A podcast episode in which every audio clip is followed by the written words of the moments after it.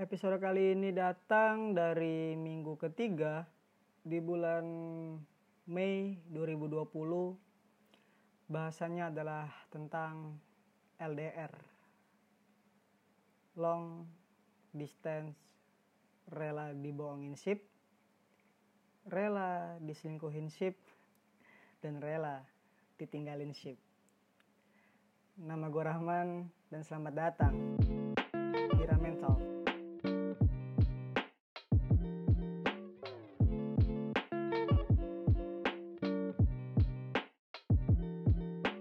Selamat malam kalian para pecinta kesepian yang masih saja merindu di tengah gelapnya malam. Yakin kamu masih mau menganggap dia sebagai orang yang kamu sayang? Kan dia udah nikah duluan, ya.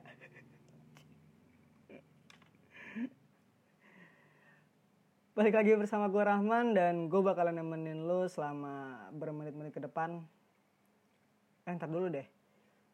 Kayaknya di podcast bakalan panjang. Gue kasih tau aja. Sejam dua jam berak lah. Bahasan kali ini tentang LDR, long distance relationship. C, kali ini bener nyebutnya.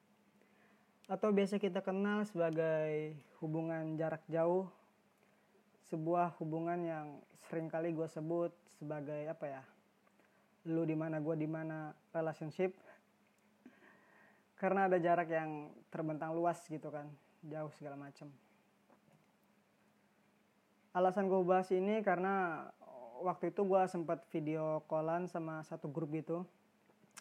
Terus gue sempat nanya ke mereka e, enaknya gue bahas apa ya di podcast gue terus ada satu teman gue yang bilang kayak e, coba lu bahas tentang patah hati gitu tentang hubungan lu yang kandas bla bla segala macem. Dan itu agak cukup membingungkan sih jujur-jujuran itu buat gue tuh kayak mengorek luka lama gitu loh. Mengingat-ingat apa-apa yang udah nggak seharusnya gue ingat. Karena gue adalah tipikal orang yang udah sama sekali apa ya udah udah nggak mau ada di hubungan bernama LDR udah semua gitulah gue dan kesel aja gitu setiap kali ngedengar LDR LDRan gitu. Karena dulu waktu masih sekolah gue punya beberapa cewek ya. Gue punya gak enak banget ngomongnya kayak iya playboy amat mohon maaf. Nggak maksudnya eh, mantan gue bisa dihitung pakai jari lah berapa berapanya tapi kebanyakan itu gue kenal dari internet gitu. Karena waktu masih zaman zamannya sekolah itu gue masih gila-gilanya ngewarnet buat nyari teman baru di game online dan banyak itu gue ketemu cewek di sana. Ya mungkin jaraknya juga jauh bukan karena gue nggak pede buat ngedeketin orang-orang yang dalam tanda kutip deket gitu di gue tapi rasanya gimana ya? Mungkin lulu juga merasakan hal ini gitu karena setiap kali kita ketemu sama orang di internet itu tuh kita bakal jadi lebih mudah buat ketemu sama orang-orang yang satu frekuensi sama kita relevansinya sama kesenangannya sama hobinya sama dan itu agak susah untuk kita temuin di sekitaran kita gitu di dunia kita. Ya ya mungkin ada gitu. Tapi kan kalau ada juga belum tentu mau sama lu kan. Gitu aja kita mah. Makanya nyari yang yang ada di internet terus kenalan lucu-lucuan segala macem.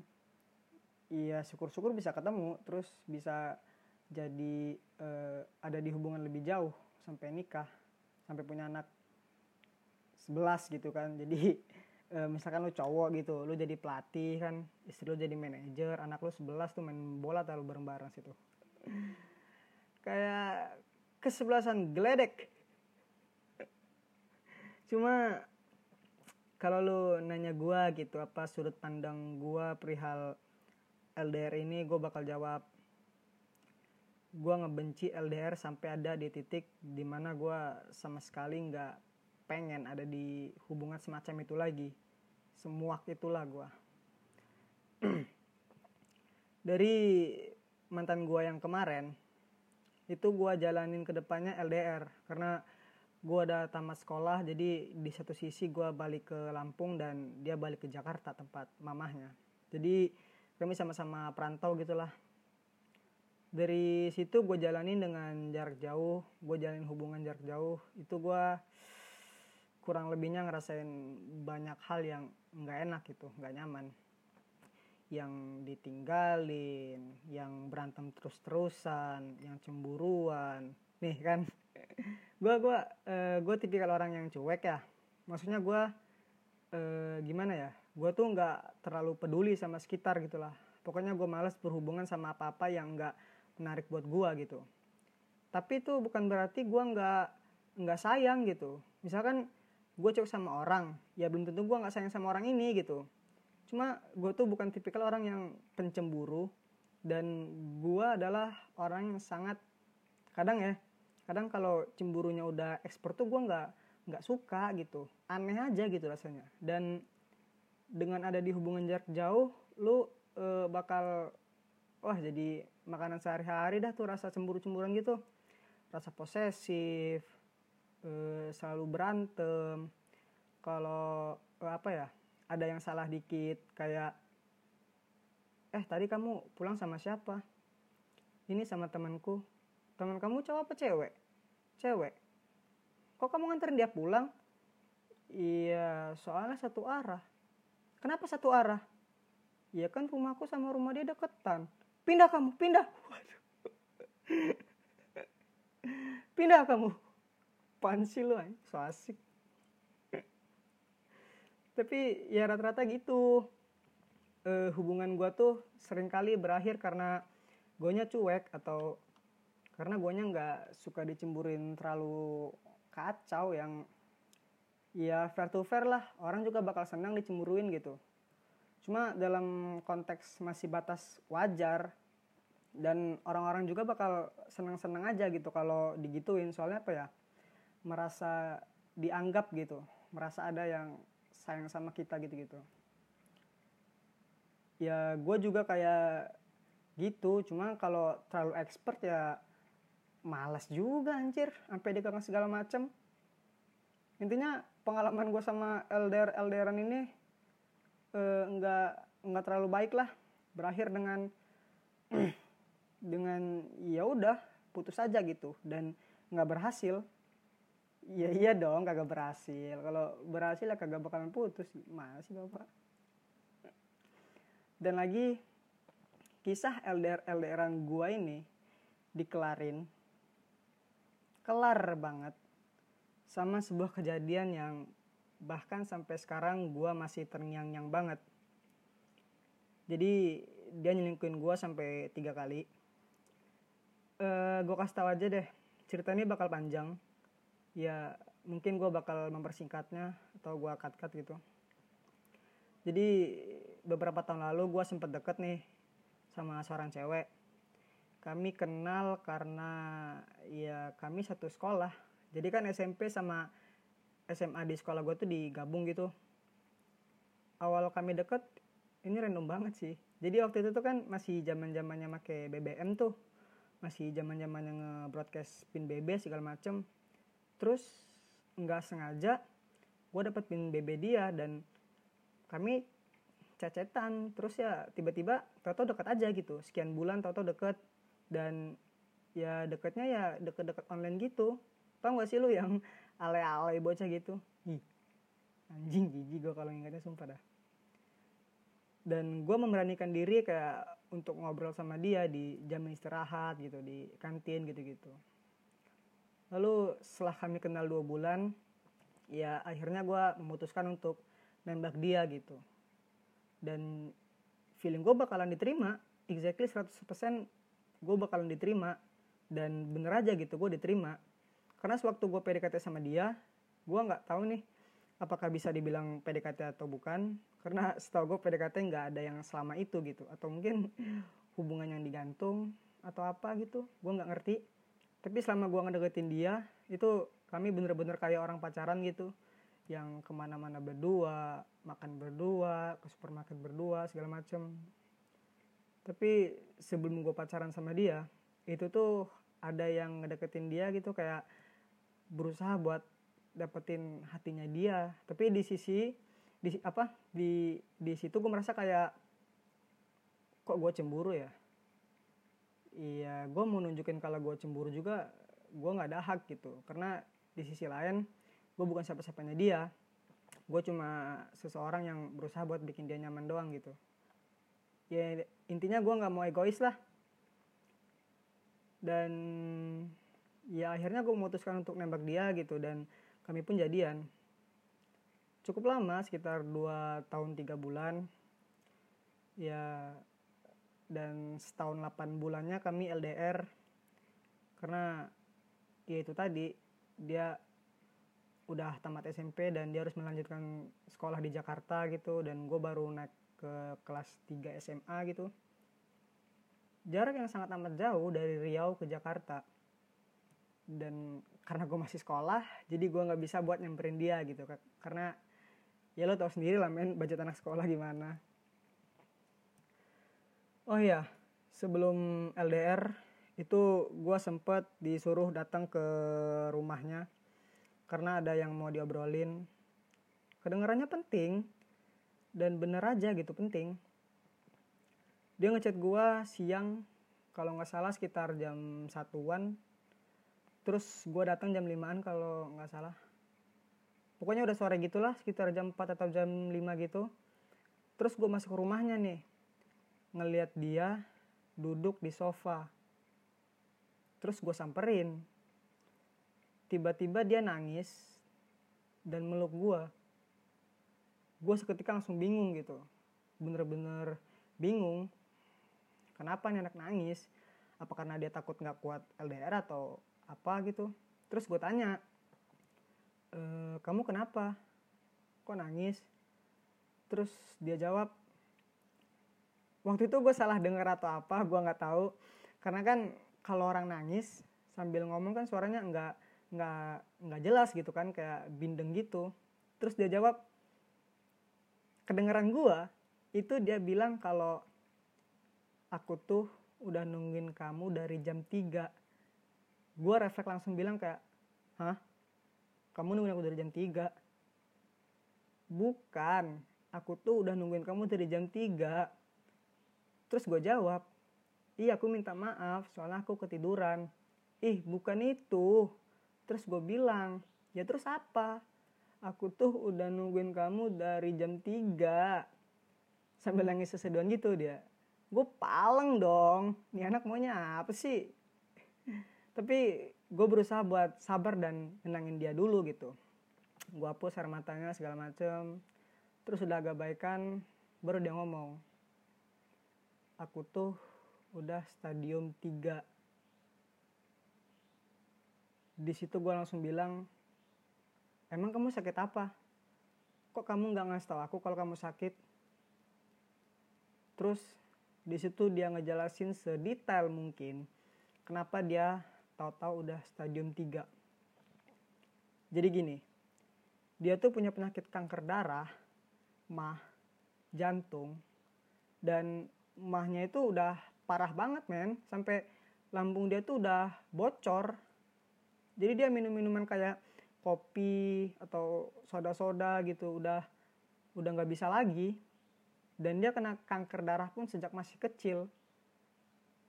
Iya gue tahu ceritanya tapi gue nggak bakal bilang di sini kenapa dan kenapanya gue berusaha buat nggak bilang ini ke kalian karena ini terlalu privasi gitu tapi intinya dia dari kecil udah mengenal yang namanya rumah sakit. Dia selalu ke dokter eh, ketemu suster gitu. Terus ketemu jarum suntik ketemu dokter yang ngebuat dia sampai nggak berdaya. Terus dia sempat dioperasi satu dua kali karena udah parah banget gitu. Dan di akhir kata dia bilang kalau umur dia cuma nyampe 18 tahun. Dan di situ gue langsung diem pikiran gue langsung kosong gitu. Terus sampailah ke pertanyaan gue kok kamu nggak bilang dari dulu-dulu kalau kamu kayak gini? Terus dia jawab aku tuh takut kalau bilang ini ke kamu karena aku takut kamu bakal mutusin aku setelah kamu tahu penyakit aku ini. Di situ gue cuma bisa buat nenangin dia berusaha buat nyakinin dia kalau semuanya baik-baik aja. Agak cukup lama kami terdiam setelah obrolan panjang itu. Lalu dia ngasih pertanyaan gitu ke gue setelah kamu tahu penyakit aku ini kamu bakal ngapain ninggalin aku atau tetap bertahan? Gue jawab iya aku bakal bertahan kok. Tapi dianya kayak nggak yakin gitu. Apalagi setelah gue tahu penyakit dia gitu. Akhirnya gue ngomong ke dia buat nggak apa-apa kok. Santai aja. Kita pasti bisa ngejalanin ini. Kita pasti bisa ngelewatin semua ini. Aku janji setelah aku lulus sekolah aku bakal nyari kerja buat nyamperin kamu atau aku bisa nyisin uang jajan kuliah aku uh, buat ketemu kamu. Tapi intinya waktu itu mungkin gue salah satu orang yang percaya sama LDR LDRan gitu karena gue ngerasa udah klop itu sama dia. Kemudian waktu itu hubungan gue udah jalan berapa bulan gitulah dari mulai LDR itu. Awalnya adem-adem aja gitu tapi makin ke sini kok kayak makin ribut terus gitu. Yang masalah nggak kelar-kelar lah yang kalau nggak ngabarin dikit terus nuduhnya selingkuh lah segala macam pokoknya gitu-gitu. Akhirnya kita mutusin buat break selama seminggu gitu. Nih ya, setahu gua, break itu adalah di mana kita mengoreksi diri kita masing-masing atas kesalahan apa-apa yang udah kita perbuat agar kita sadar dan menjadi lebih baik lagi. Itu menurut versi gua. Tapi berbeda dengan yang dilakukan sama mantan gue ini, ini kocak banget sih. Jadi kejadiannya gini. Eh karena gue bete dan nggak tahu mau ngapain akhirnya gue ke warnet gitu bareng temen-temen gue setelah main cukup lama gue mutusin buat rehat, rehat sejenak gitu kayak buka YouTube IG segala macem gitu kan. Terus gue kepikiran kayak eh coba deh gue buka Facebook. Karena kan gue udah lama banget nggak buka Facebook gitu. Setelah gue buka Facebook gue ngeliat updatean Facebook mantan gue ini. Dia ngepost foto bareng cowok lain yang di mana dia bilang kalau itu tuh teman sekolahnya. Ya gue percaya percaya aja gitu karena dia foto itu juga emang emang lagi di kelas. Terus dia kayak heran gitu kok kamu bisa tahu? Kamu dapat foto ini dari, mana? Karena kan gue udah nggak pernah buka Facebook lagi gitu dan gue bilang ke dia kayak buat mutusin gak main Facebook lagi. Mungkin setelah gue bilang kayak gitu menurut dia adalah sesuatu yang on point gitu buat selingkuh dan naruh apa-apanya di Facebook ketimbang di Instagram.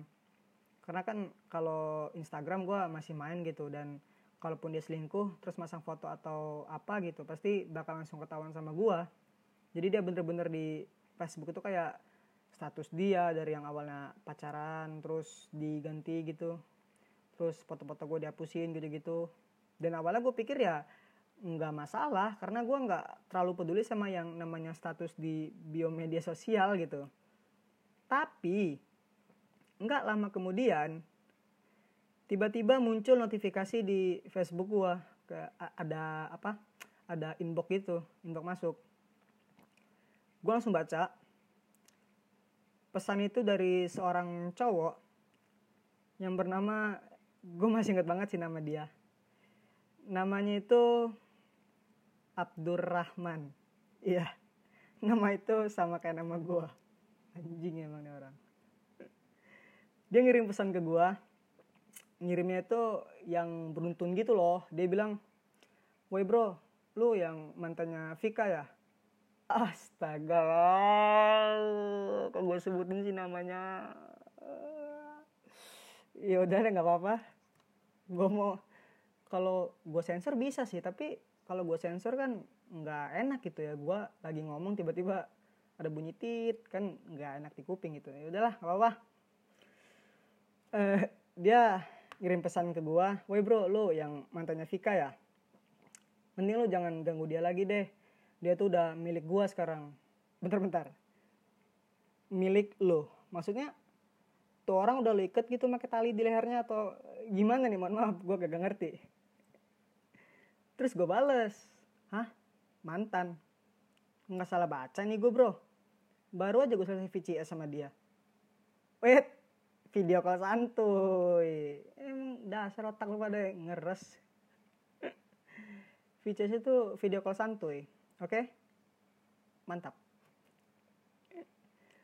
Pokoknya gue berusaha buat kayak manas-manasin dia gitu. Ya intinya gue nanggepinnya nggak mau yang terlalu diambil pusing gitulah. Terus dia nggak balas lagi. Alah bohong aja lu. Vika bilang kalau lu udah mutusin dia seminggu yang lalu. Terus gue mikir kayak emang anjing cewek gue ini. Kan gue bilang break bukan putus. Terus gue bales. Kagak bro. Itu mah lu nya aja yang dibangun sama dia. Orang gue bilang break doang kok bukan putus. Terus dia kayak nggak terima gitu. Kesel lah pokoknya sampai dia bilang kalau lu masih gangguin dia lu gue samperin ke sana. Terus gue kayak ketawa-tawa sendiri gitu. Gue mikir kayak nih bocah berani amat mau nyamperin abang. Akhirnya gue balas lagi oh ya udah bro. Kalau gitu gue gangguin dia aja ya biar lu nyamperin gue gue bakal nyambut lu kok. Terus gue kasih alamat lengkap gue yang di Riau. Sampai gue lulus alhamdulillah belum bisa bersamperin. Uh, lalu gue nge picture obrolan gue sama si bangsat ini. Terus gue kirim ke mantan gue sebelum se sebelum gue apa gue ngirim itu gue sempet nanya ke dia kamu selingkuh? Terus dia jawab dengan santainya enggak ah yakin iya yakin. Terus baru deh gue kirim picture itu. Dia kayak langsung nanya gitu. Itu di Facebook. Iya gue bilang. Terus kata dia kan kamu udah gak main Facebook lagi? Ya emang salah kalau aku buka Facebook aku sendiri. Terus dia kayak langsung ngirim emot nangis gitu dan minta maaf ngejelasin segala macem gitulah. Kalau gue tuh jarang ada buat dia gitu. Karena gue selalu sibuk sama game dan apa-apa yang ada di warnet itu. Dan gue sadar sama apa-apa yang udah gue lakuin. Tapi bukan berarti dia juga nggak salah karena udah selingkuhin gue ya itu tetap salah nyet. Dengan perasaan ibah karena dia nelponin gue sampai nangis-nangis gitu akhirnya ya gue maafin dan bilang kayak ya udah aku berusaha buat jarang main game lagi aku berusaha buat ngasih waktu lebih ke kamu supaya kamu berasa lebih dianggap. Dan gue tetap ngasih peringatan gitu buat nggak ngulangin itu lagi. Dan dia juga janji buat nggak selingkuh lagi. Lalu setelah dari kejadian itu Adam lagi dan cukup lama sekitar 2 sampai tiga bulanan gitu. Bener-bener nggak ada masalah sama sekali tiba-tiba ada satu kejadian yang membuat hubungan gue kacau lagi. Ini salah gue sih emang. Ceritanya gue persingkat aja. Intinya gue waktu itu sering main ke biliar dan ada satu cewek dia marka. Kayak orang baru gitu di situ. Sesering itulah gue main di tempat itu sampai tahu siapa siapa aja. Terus si cewek ini senyum senyum mulu ke gue tiap kali gue ngeliat ke arah dia ya gue pikir mungkin itu cara dia buat menyapa orang-orang di situ gitu. Setelah gue selesai main gue cabut ke parkiran dia langsung nyamperin gue ngasih kertas dan kertas itu berisi nomor teleponnya dia. Terus dia bilang kalau udah nyampe rumah telepon aku ya. Gue cuma ngangguk sambil senyum aja. Ceritanya beneran dan gue nggak mengada-ngada terserah lu mau percaya atau enggaknya itu kehendak lu akhirnya kami kontek-kontekan sampai sefollowan Instagram. Dan lambat laun si mantan gue ini pun tahu gitu apa aja yang selama ini udah gue sembunyiin dari dia. Terus dia bener-bener yang marah banget. Sampai gue nggak dikasih celah buat ngejelasin pas di telepon. Tapi iya gue tahu gitu sih. Mantan gue ini pernah ngelakuin hal yang sama kayak gue tapi gue nggak nggak mau ngungkit masalahnya dia dan di situ gue berusaha buat minta maaf. Gue ngaku gue salah dan nggak bakal mengulanginya lagi. Akhirnya kami baik lagi dan kembali kayak seperti semula. Lalu setelah lama dia kembali selingkuh karena dua tiga kalinya. Dengan otak gue yang dibekali prosesor berkekuatan Intel Core i3 3200 GHz pada masa itu, gue mengetahui itu semua dengan mudah. Terus gue bilang ke dia kayak, iya udah, lu terserah mau ngelakuin apa, lu mau ngapain juga gue udah nyerah, gue sama sekali udah nggak peduli dengan apa-apa yang udah lu buat, karena iya dia gue putusin juga nggak nggak mau pak, bener-bener bener-bener nolak buat berakhir sama gue iya gue tahu gitu. Gue udah janji sama dia. Gue nggak bakal mutusin dia dan gue nggak bakal ninggalin dia. Tapi ya capek juga pak diselingkuhin mulu gitu kan. Akhirnya ya udah gitu. Gue bilang ke dia kalau gue butuh waktu sendiri mungkin 3 sampai lima hari. Dan dia mengiyakan itu asal gue mau maafin dia gitu. Akhirnya ya gue maafin dan setelah kejadian itu gue udah mulai cuek gue udah mulai merasa nggak peduli lagi lah sama dia gitu. Tapi gue nggak tahu kenapa ya nih cewek-cewek heran banget deh. Kenapa setiap ngerayu cowok gitu ngerayu pacarnya gitu itu bisa bisa bikin luluh gitu loh. Padahal cuma kayak mini mini doang. Gue nggak tahu apakah semua orang kayak gitu ya? Dan ya gue baikan lagi. Nggak ada angin nggak ada hujan tiba-tiba mantan gue ini ngajak putus setelah beberapa hari baru baikan. Itu gue inget banget kejadian kejadian itu tanggal 23 November 2018 dan itu hari Jumat gue tiba-tiba kaget dan bingung setelah dia minta putus. Karena waktu kemarin gue ajakin putus dianya nggak mau. Tapi setelah beberapa hari kemudian di saat semuanya adem-adem lagi di saat dia udah bisa nenangin gue lagi dan di saat semuanya udah baik-baik lagi kenapa dia tiba-tiba minta putus gitu aja tanpa sebab? Alasan dia ngajak putus itu karena capek selalu ribut terus padahal dia mulu gitu ngajakin ribut tapi dia yang capek. Uh, terus gue tanya yakin karena capek? Bukan karena ada orang baru lagi? Dia jawab iya aku capek dan nggak ada orang baru kok. Uh, terus gue bales oh ya udah nggak apa-apa kok. Padahal di situ gue ngerasa kayak hati gue hancur banget men. Sampai gue tuh nelpon temen gue nih. Itu kejadiannya malam. Gue nelpon teman gue lu di mana men? Gue ke rumah lu ya. Gue lagi pusing banget nih. Terus gue ke tempat temen gue dan gue di sana bener-bener jadi brutal banget lah. Yang ngelakuin ini ngelakuin itunya tuh tanpa mikir apa yang bakal terjadi ke depannya sama diri gue gitu. Dan itulah uh, salah satu alasan kenapa gue membenci hari Jumat gue tahu ini akan terdengar sangat amat salah karena banyak orang yang bilang kayak thank God it's Friday, thank God it's Friday. Tapi buat gua Jumat udah tidak lagi semenyenangkan itu. Jumat udah berubah jadi hari yang sebangsat itu. Dan ya semenjak saat itulah pandangan gua akan LDR LDRan pandangan gue akan yang namanya hubungan jarak jauh tuh 180 derajat berubah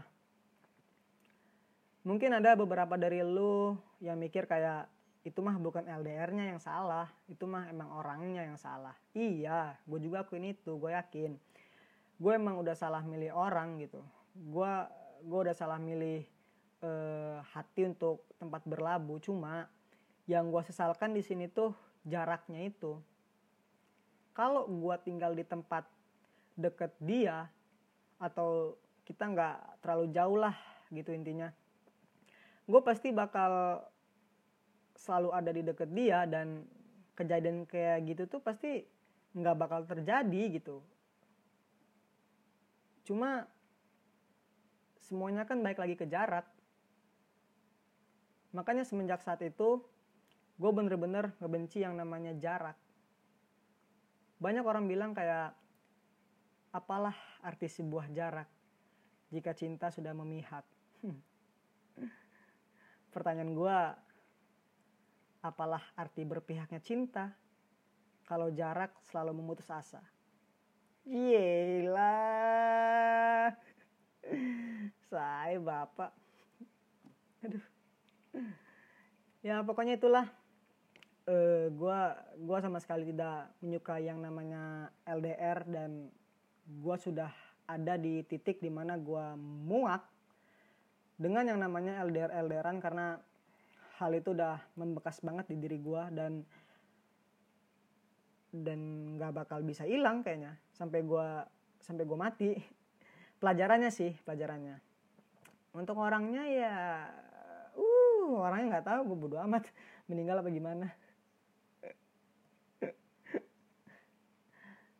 Lalu mungkin sekarang lo lagi bertanya-tanya gitu. Kenapa sih orang akhirnya mau atau mutusin buat LDR jawaban gue cuma dua sih. Pertama ketemu online aja gitu. Kayak lu ada di sebuah grup tertentu atau contoh eh, sederhananya lu suka main game lu suka main game online dan ketemu orang di game itu akhirnya tukeran nomor telepon kalian cecetan dan nyaman terus jadian.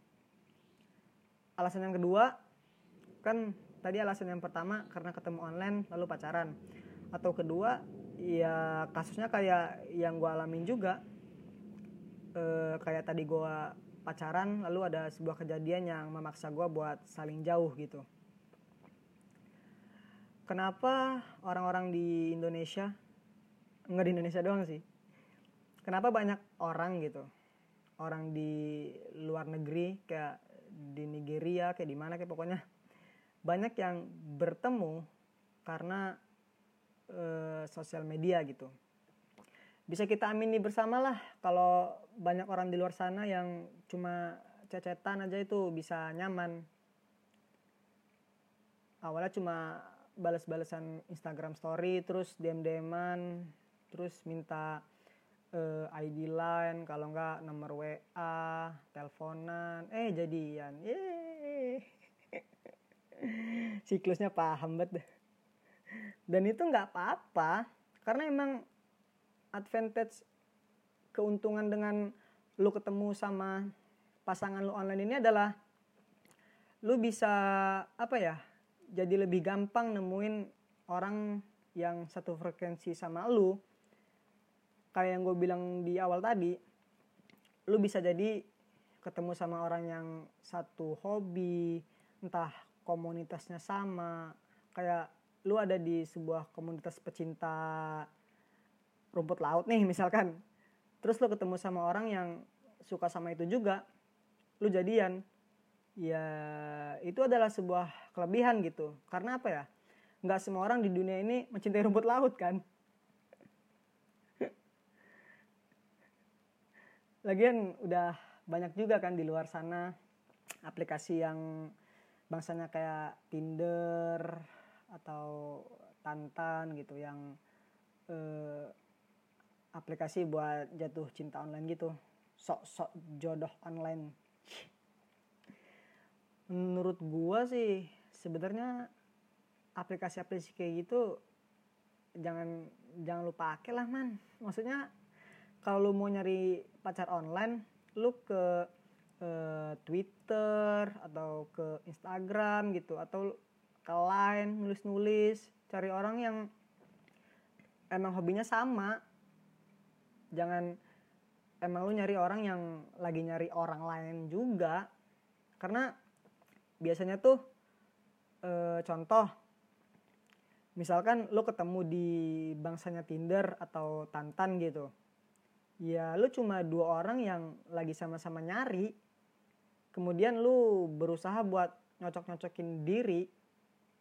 Beda beda kasusnya kalau lu emang ketemu di sebuah komunitas tertentu terus satu frekuensi sama dia lu nyaman sama obrolan bareng dia atau segala macamnya itu bakal bener-bener beda gitu. Yang satu berusaha untuk menjadi nyaman yang satu nyaman dulu baru jadian gitu. Agak rumit ya. Pokoknya gitulah. Ada dua ada dua alasan kenapa orang mau menjadi LDR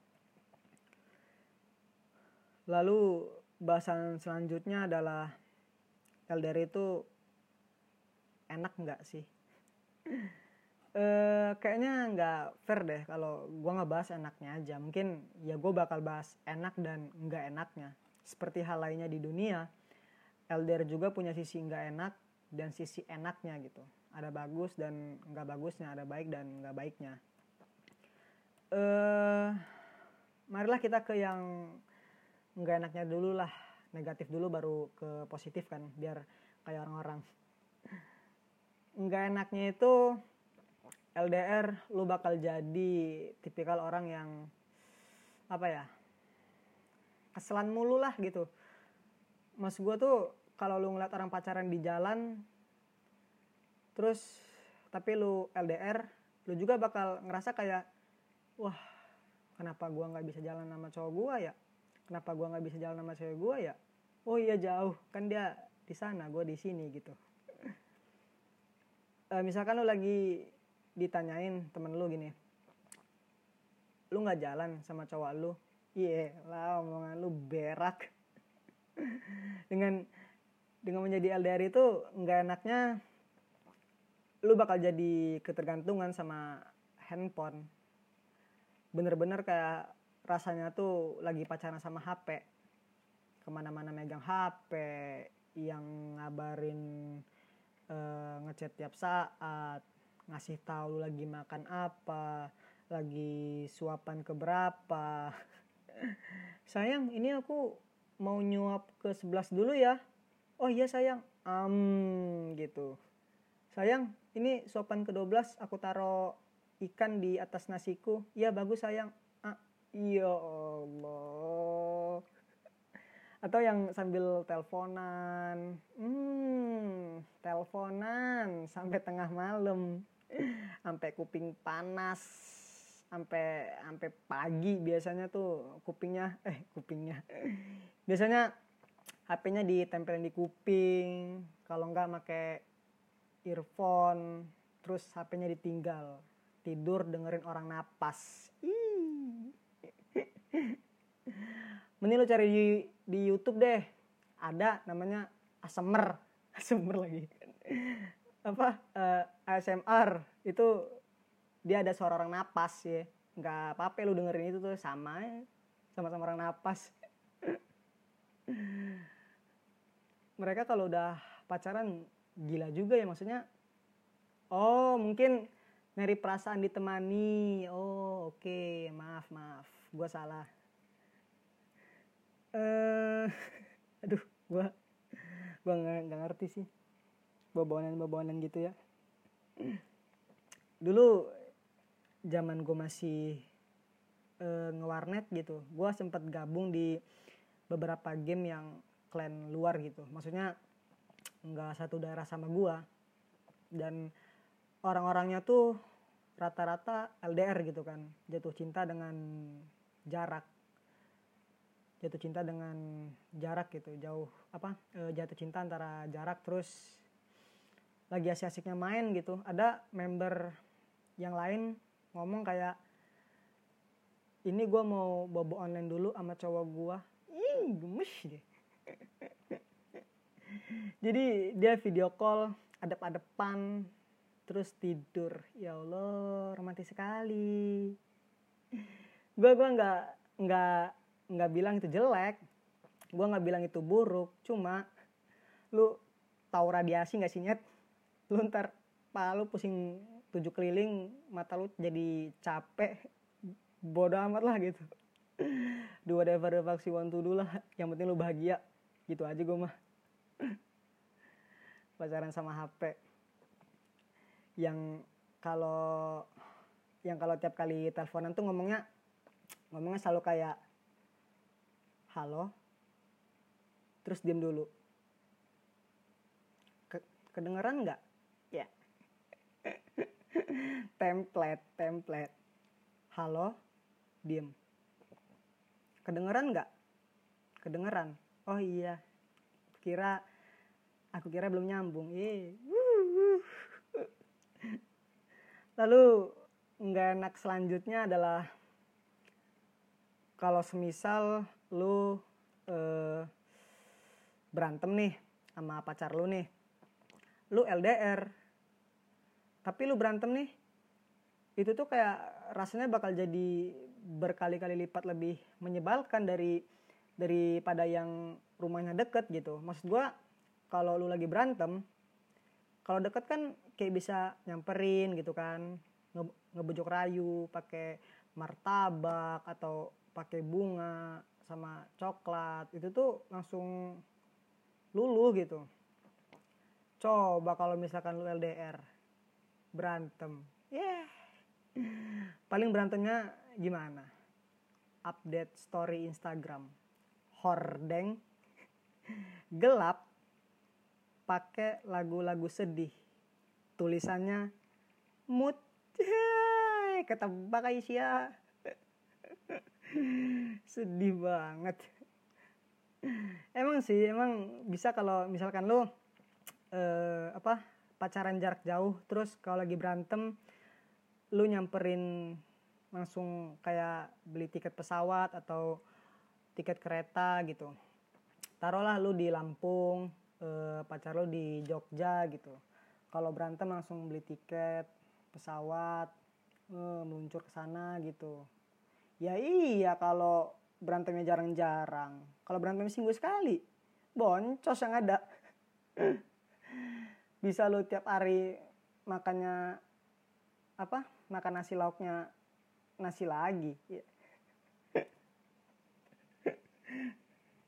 Woi lu kok makan sedih amat? Iya gue makan nasi lauknya nasi. Iyalah. Mending lah nasi lauknya garam. Lah nasi lauknya nasi anjir. Terus nggak enaknya juga adalah kita jadi apa ya? Jadi curigaan orangnya. Jadi posesif. Jadi menyebal menyebalkan lah dalam artian kalau dia hilang kabar sedikit kita cariin terus sampai nanya nanya temen-temennya sampai yang didownloadin Zenly. Ini saking posesifnya anjir. Tapi itu agak gimana ya? Agak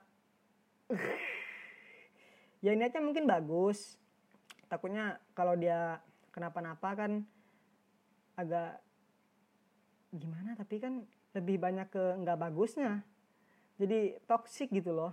Apa ya?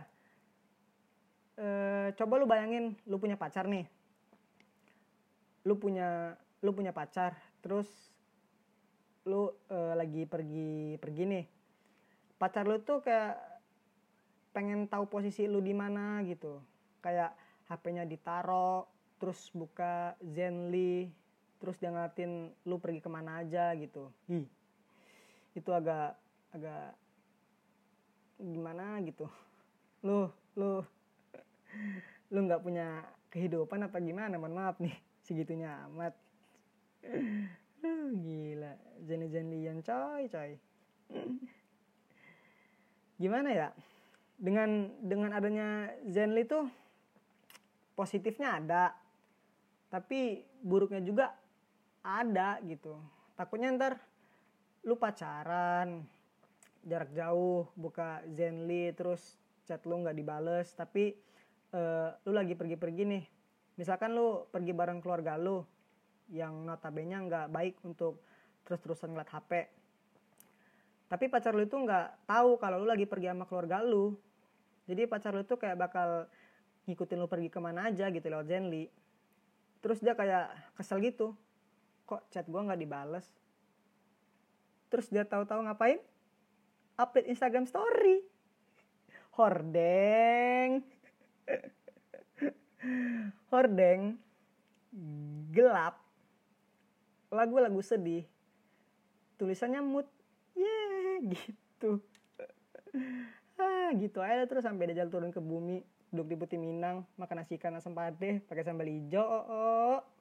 tambah rendang. Enak. Cuma di balik ke nggak enakannya LDR LDRan ini di balik banyaknya hal-hal negatif yang berkelimpungan antara hubungan jarak jauh ini ada beberapa hal ada beberapa hal baik yang hadir. Ada beberapa hal bagus yang e, bisa dirasakan sama orang-orang yang LDR ini sendiri. Contohnya kayak lu percaya nggak sih kalau LDR itu ngajarin kita buat menghargai pertemuan waktu, dan uang. Kalau kita ada di hubungan sama orang lain yang jaraknya deket-deket aja gitu, yang mungkin setiap malam minggu bisa jalan, bisa nonton, bisa uh, apa ya, pokoknya senang seru-seruan gitu segala macem. Ya pertemuan itu bakal berasa kayak bakal berasa biasa aja gitu, bukan bukan bukan dalam artian nggak menyenangkan tapi ya lebih ke biasa aja gitu. Cuma kalau lo ada di hubungan jarak jauh itu tuh yang namanya pertemuan jadi lebih lebih berharga banget. Banget banget gitu. Lo udah nggak ketemu nih sebulan. Rasa kangen lo itu kayak menggebu-gebu gitu. Terus lo kalau itu pasti pas ketemu tuh iya lu bakal ngerasa kayak ada apa ya? Kayak ada kupu-kupu di dada lu. Kayak bakal ada kupu-kupu gitu loh. Senengnya tuh seneng banget gitu. Jadi lebih menghargai pertemuan. Jadi kalau lu lagi ketemu sama dia bakal yang udah pet bakal taruh aja. Pokoknya kita bakal berdua terus. Seneng-seneng kita nonton uh, kita ngeliatin orang naik motor bertiga kita ngata-ngatain uh, orang yang mobilnya belum lunas tapi klason-klason di jalan. Gitu-gitu. Itu pokoknya pertemuan bakal jadi lebih sangat amat lebih banget. Yay. Berharga dari yang sebelumnya. Juga perihal waktu. Dengan LDR kita bisa jadi ngerti kalau e, waktu itu sangatlah berharga gitu. Kalau lu pacaran terus e, orang yang lu temuin itu katakanlah lu bisa ngerti gitu dia ngapain aja karena lu deket sama dia gitu. Kalau dia butuh apa-apa tinggal lu samperin dan lu tahu kapan aja waktu buat nyamperin. Itu tuh bakal jadi biasa aja gitu waktunya. Tapi kalau lu misalkan ada di LDR LDRan gitu sama orang ya lu bakal jadi lebih menghargai waktu lu sendiri pun waktu yang pacar lu punya gitu. Jadi ya kalian bakal sama-sama nentuin kapan waktunya bisa saling cecetan nyaman e, bisa ngepasin waktu buat yang namanya teleponan video call segala macem sebelum tidur. Dan ya belajar manajemen waktunya tuh jadi lebih tertata gitu. Kayak kayak apa ya dipaksa untuk lebih tertata rapih gitu. Pikiran lu kayak lu bakal uh, punya punya planning gitulah. Oh dia ini kuliah hari ini ada kelas pagi nanti siang dia istirahat pasti dia kosong. Nanti aku cecetan atau atau kalau dia lagi di kelas mungkin uh, di chat biasa-biasa aja gitu chat biasa dibalas meski, uh, meskipun di kelas gitu. Tapi nanti kalau istirahat mungkin bisa ditelepon atau kalau dia bener-bener lagi sibuk atau lagi nggak ada waktu luang ya chat aja gitu. Mungkin malamnya bisa ditelepon karena malamnya dia udah di rumah dan dia juga nggak ada kelas malam. Ya gitu gitulah pokoknya. Lu jadi ngerti gimana eh, gimana cara lu ngatur waktu gimana gimana cara lu ngatur waktu gimana cara dia ngatur waktu supaya waktu kalian bisa sama-sama dipertemukan gitu. Gue tahu ini akan menjadi terdengar sangat amat klasik tapi buat gue adalah waktu itu kita yang nentuin gitu. Kayak yang orang-orang lain bilang nggak ada yang namanya sibuk. Nggak ada yang namanya bener-bener sibuk. Yang ada hanya disibuk-sibukin supaya kelihatan sibuk dan supaya bisa nggak ngebalasin chatnya dia. Dan yang paling penting sih menurut gue uang. Uang uang. Karena dengan lu ada di hubungan jarak jauh sama orang lain lu tuh bakal bener-bener menghargai sangat amat menghargai yang namanya uang. Karena eh, dengan hanya dengan uang lah lu bisa ngebeli koneksi internet pakai data lu. Terus lu bisa beli pulsa buat teleponan atau SMS atau e, buat bayar wifi buat internetan lu di rumah. Supaya lu bisa bebas mau ngechatin dia kapan aja nelponin dia kapan aja e, video call sama dia kapan aja. Dan itu semua ya butuh duit gitu. Jadi butuh nabung juga. Belum lagi kalau misalkan ketemu kalau lagi pengen ketemu kan butuh duit juga gitu. Tiket kereta sama pesawat tuh tidak gratis. Lu bukan eh, mohon maaf nih. Lu nggak sekaya itu yang bisa eh, beli tiket kayak langsung ngedip jadi nabung dulu dan eh, nikmati prosesnya karena percayalah sama gua kalau lu nabung make uang lu sendiri terus lu bener-bener niatin uang ini bakal lu pakai buat ketemu sama si pujan hati lu ya lu bakal jadi sangat amat apa ya eh seneng gitulah. Kayak ada perasaan yang uh gitu yang wah gitu. Yes akhirnya gue bisa ketemu dia dan ini adalah hasil dari tabungan gue gitu. Dan itu kayak berkali-kali lipat menyenangkan rasanya.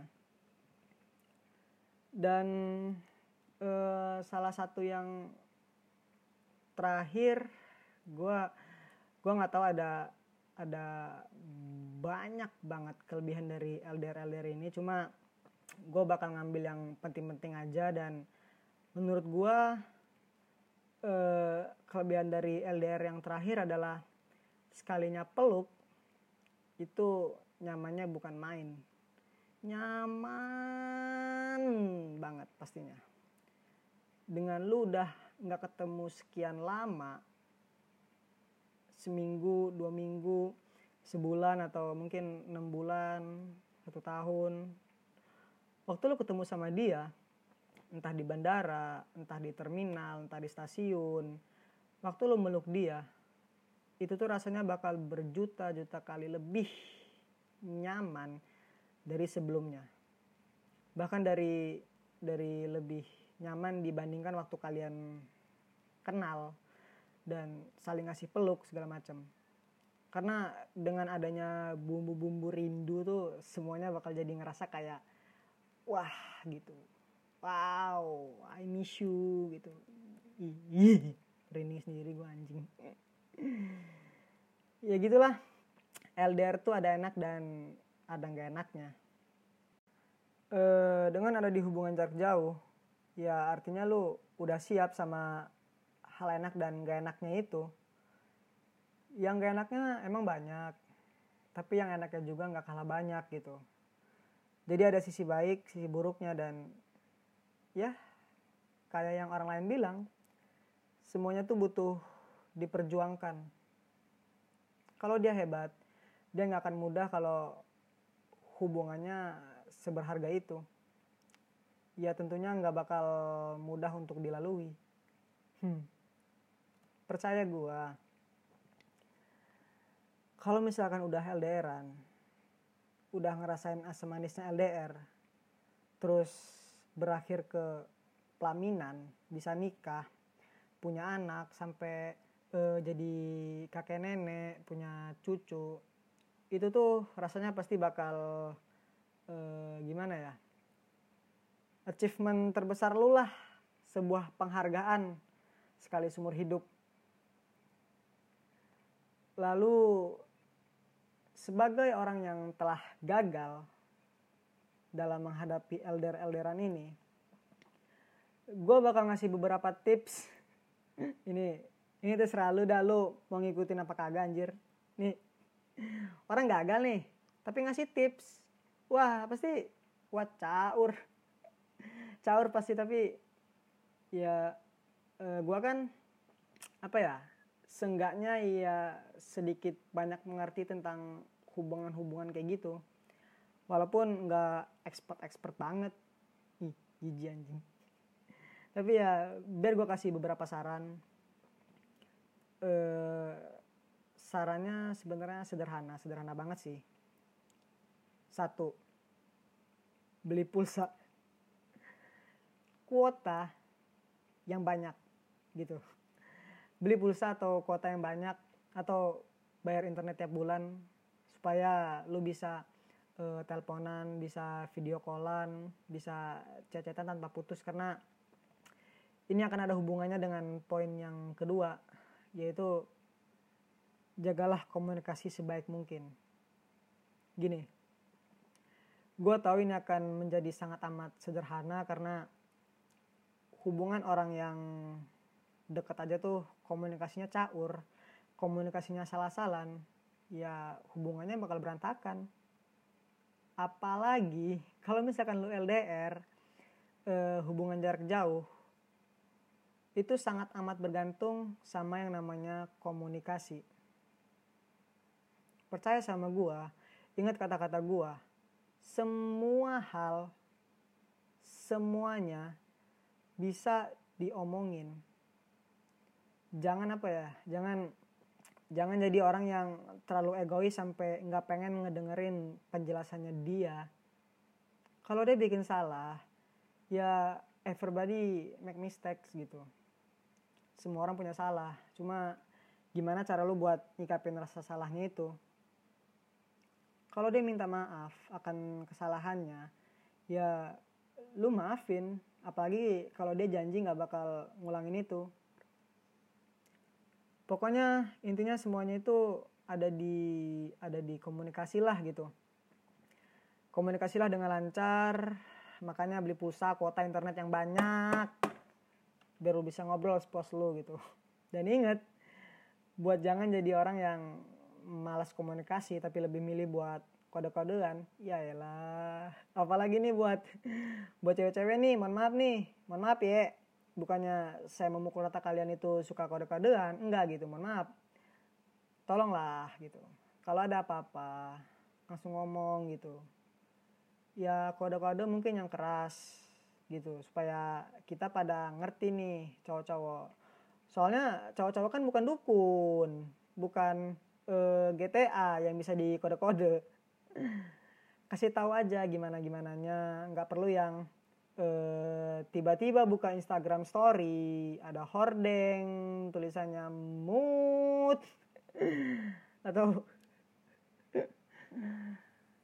aduh gila itu callbacknya berkali-kali tuh mantap karena cewek-cewek itu kalau lagi marah atau apa tiba-tiba buka Instagram story hordengin eh hordengin. Apa? Instastoryin hordeng. Buset dah teknologi ini udah canggih gitu. Jadi lu bisa apa pun ya bisa lu hadapin. Ada panggilan yang namanya Sky. Video call juga bisa pakai HP bisa pakai Google Duo pakai WhatsApp kalau lu nggak mau ngelek-ngelekan ya intinya komunikasi lah yang lancar gitu. Karena dengan lo berkomunikasi sama dia lo bakal jadi lebih ngerti dia gimana hubungan yang baik adalah hubungan yang terpupuk komunikasinya terjaga komunikasinya. Kalau hubungan lu komunikasinya udah amburadul ya mungkin sebulan dua bulan lu bakal acak-acakan. Gitu aja gue mah.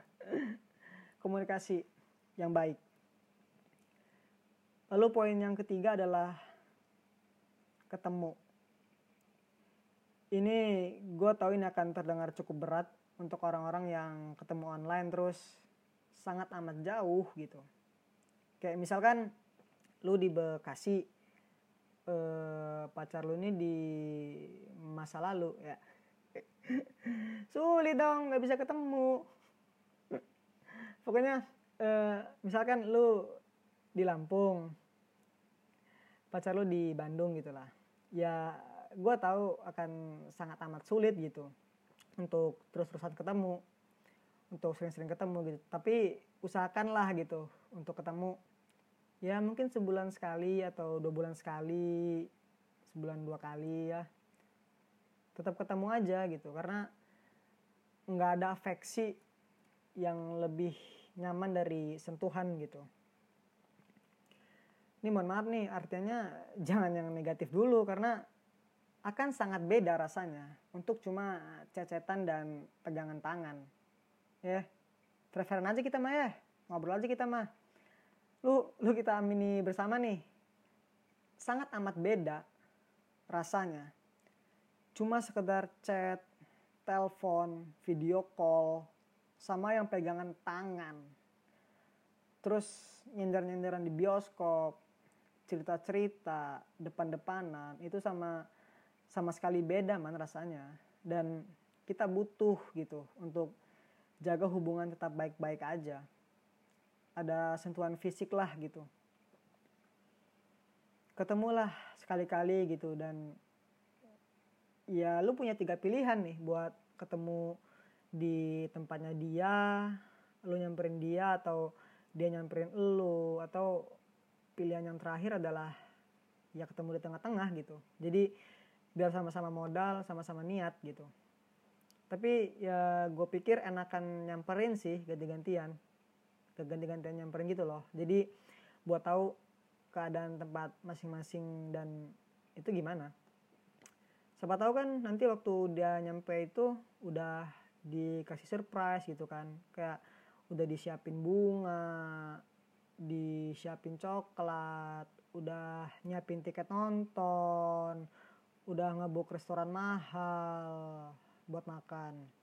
Terus dianya udah ngebersihin kamar kosan. Waduh. Wadidaw sekali. Ya pokoknya gitulah. Ketemu tuh butuh gitu. Sangat amat butuh. Lalu percaya sih. Yang terakhir itu percaya. Harus percaya. Kalau dia bilang sama lu uh, dia mau pergi ke sini ke sini ke sini ya lu percaya aja dulu gitu. Aku mau ngerjain tugas nih sama temanku boleh nggak? Oh ya udah ngerjain tugas aja yang penting jangan nakal ya. Iya percaya aja dulu. Cemburu boleh tapi jangan kelewatan gitu. Mungkin lu bisa tanya-tanyain uh, sama siapa gimana segala macem di mana bla bla bla bla bla gitu.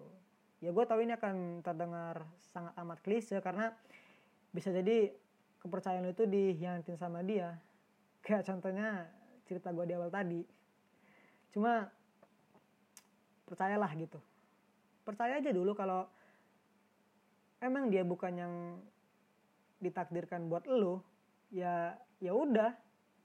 Kalau lu udah ngasih kepercayaan ke dia semua kepercayaan lu lu kasih ke dia terus dia ngecewain lu ya ya udah gitu. Berarti lu goblok.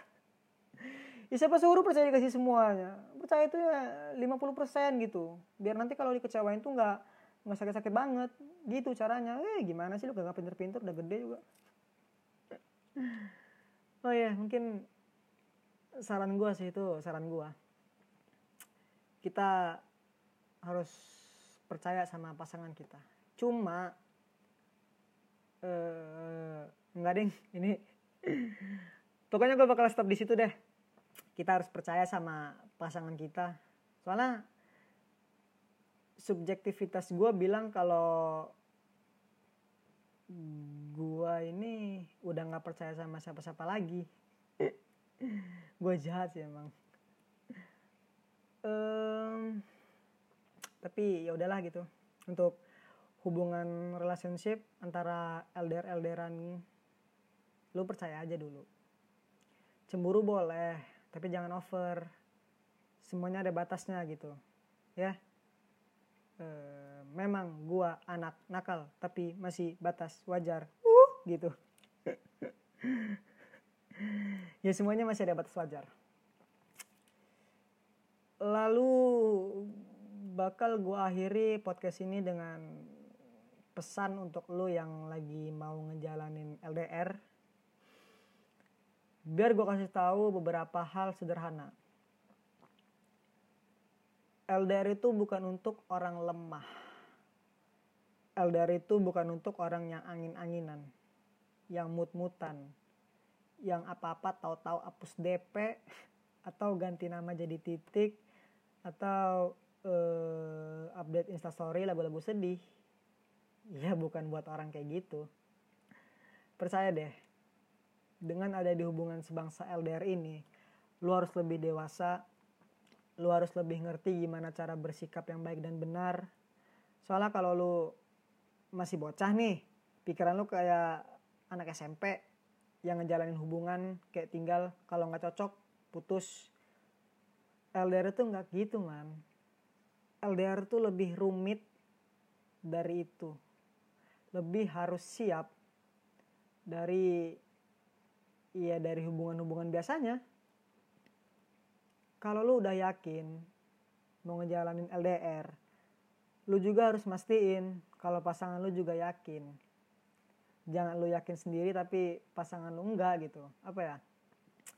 LDR tuh butuh keyakinan dari kedua belah pihak waktu memulainya gitu. Supaya waktu nanti ada masalah di tengah-tengah jalan nggak sama-sama goyah mungkin bakal ada masanya di mana kalian sama-sama pengen berhenti tapi ya semuanya bakal baik-baik aja kalau lu ngingat alasan lu dari awal itu ngap ngapain. Awa, apa? Alasan lu dari awal itu ngapain mau gimana alasan uh, mau ngejalanin LDR ini biar apa semuanya balikin lagi ke awal tadi. Lu LDR nih buat apa? Kalau lu mau serius ya serius. Kalau jangan kalau cuma buat main-main ya jangan. Hmm.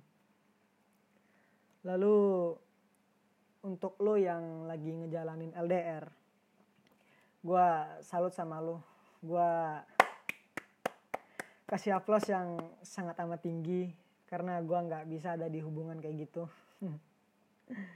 Uh, mungkin berat kayak hubungan-hubungan lainnya yang emang berat tapi gue yakin LDR tuh lebih berat dari itu. Butuh buat keyakinan yang sangat amat tinggi buat ada di hubungan kayak gitu. Butuh untuk lebih ngerti butuh untuk lebih paham butuh untuk bisa ngejaga waktu luang dan lain sebagainya. Dan ya gue tahu lu bisa sih. Gue tau lo pasti kuat. Untuk siapa pun lo yang ada di hubungan LDR LDRan ini tenang aja. Semuanya itu bakal baik-baik aja. Hmm. nggak usah takut bakal kenapa-napa kalau kalian berdua udah yakin kalau kalian berdua udah udah tahu titik finish kalian bakal nyampe mana ya apalagi yang perlu dikhawatirkan apalagi yang perlu dipikirkan. Uh, emang bagus gitu buat mikirin apa yang jelek-jeleknya supaya nanti uh, ada jaga-jaga gitulah supaya hal yang jelek nggak kejadian. Tapi alangkah lebih baiknya buat mikirin yang bagus-bagusnya aja. Supaya nanti waktu lu udah sampai finish lu udah berdua sama dia ada di hubungan yang serius nikah. Kan kalau nikah tuh artinya nggak LDR lagi kan. Ya gue nggak tahu sih apa yang bakal terjadi cuma rata-rata kalau udah nikah bakal bareng-bareng terus gitu. Jadi nantinya semuanya akan dibayar lunas. Nanti semuanya akan terbayarkan waktu lu berhasil. Waktu lu udah ada di titik itu di titik keberhasilan kalian berdua. Hmm, semangat aja tetaplah baik-baik aja.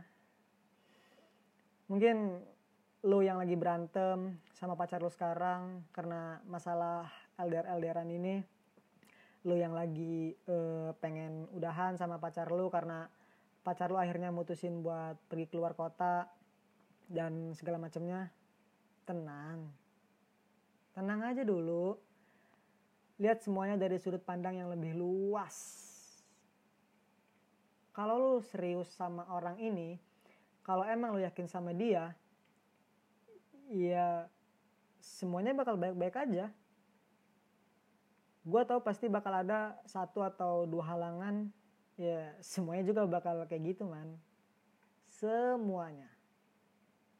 Dan ya gitu kayak hal lain di dunia semuanya pasti bakal ada cobaannya. Dan caranya adalah bukan dengan berhenti tapi adalah dengan coba lagi berjuang lagi rapihin semuanya bareng-bareng dan yakinin kalau semuanya bakal baik-baik aja. Hmm. Aduh, ya gitulah pokoknya. Gila gue kayak orang baik gini cuy, ya lah. Pas LDR-LDRan gini. Intinya uh, eh, LDR itu berat. Harus rela disiksa rindu. Harus rela berteman dengan jarak dan yang paling penting harus rela dicaci maki waktu tapi ya kalau semuanya udah di garis finish dan berhasil semua yang ada tadi tuh ah nggak ada apa-apanya hmm. ya udahlah itulah pokoknya ya gue berterima kasih buat siapa pun lo yang udah ngedengerin sampai sejauh ini. Dan terima kasih udah ngedengerin podcast ini sebagai berisikan harian lo atau berisikan buat nemen lo tidur. E, terima kasih banyak. E, itu aja buat podcast gue kali ini. Tetaplah bahagia. Jangan lupa buat sahur dan jangan malas-malas untuk berpuasa karena sebentar lagi mau lebaran. Hmm. Itu aja. Nama gua Rahman, sekian dan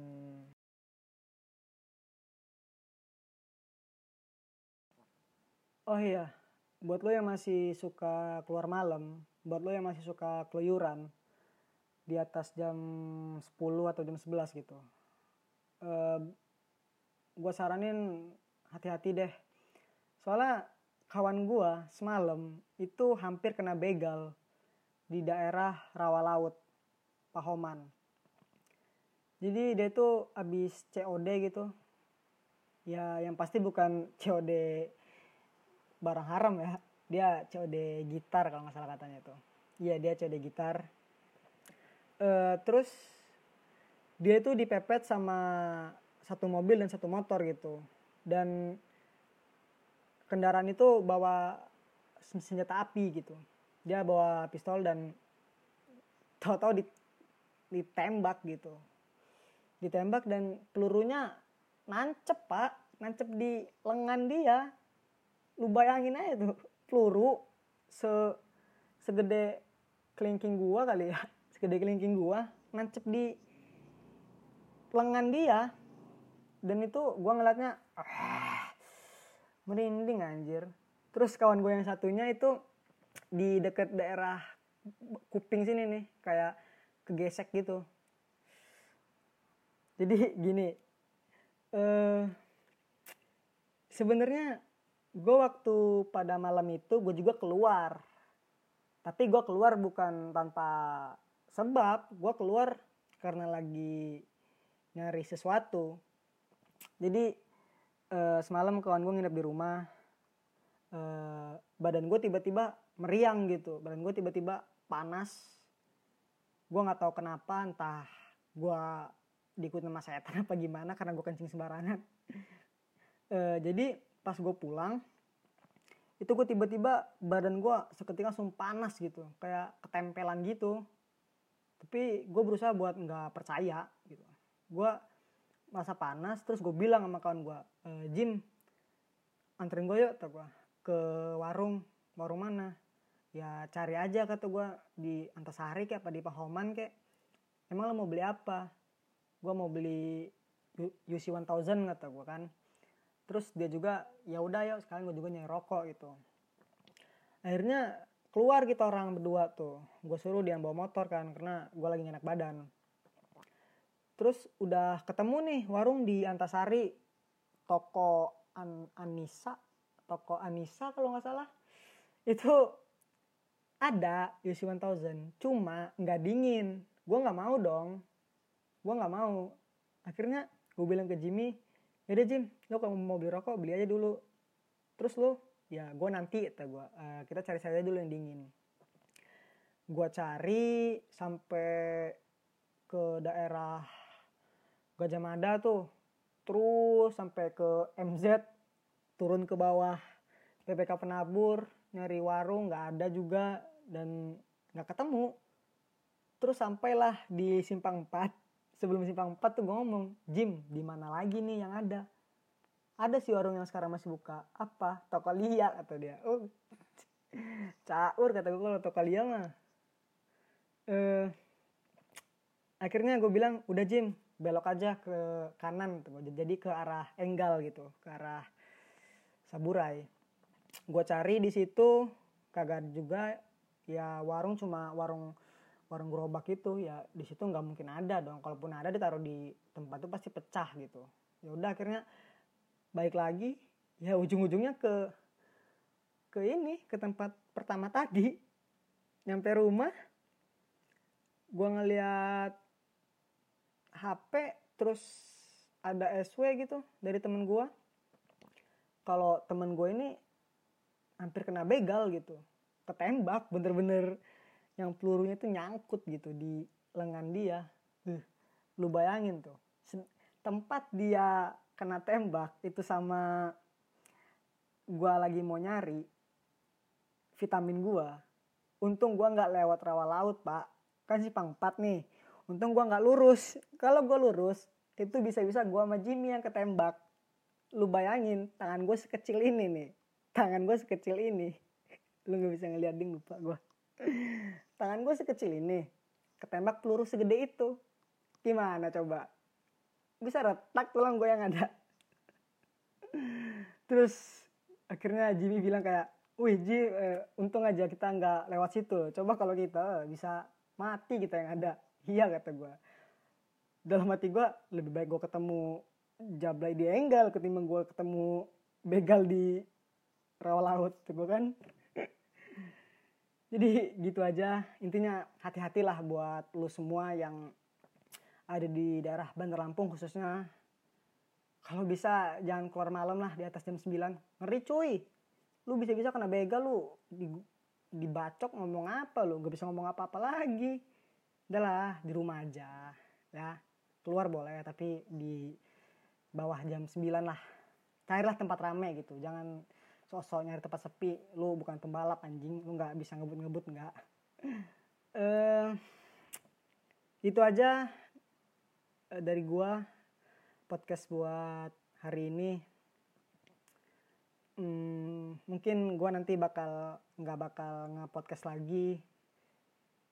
Atau gua nge-podcast lagi ya gua nggak tahu. Pokoknya gue mungkin untuk sementara ini buat berhenti nge-podcast dulu karena gue capek gue bener-bener capek gue kelimpungan kagak tahu gue mau ngebahas apa.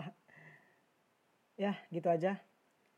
Itu aja dari gue dan bye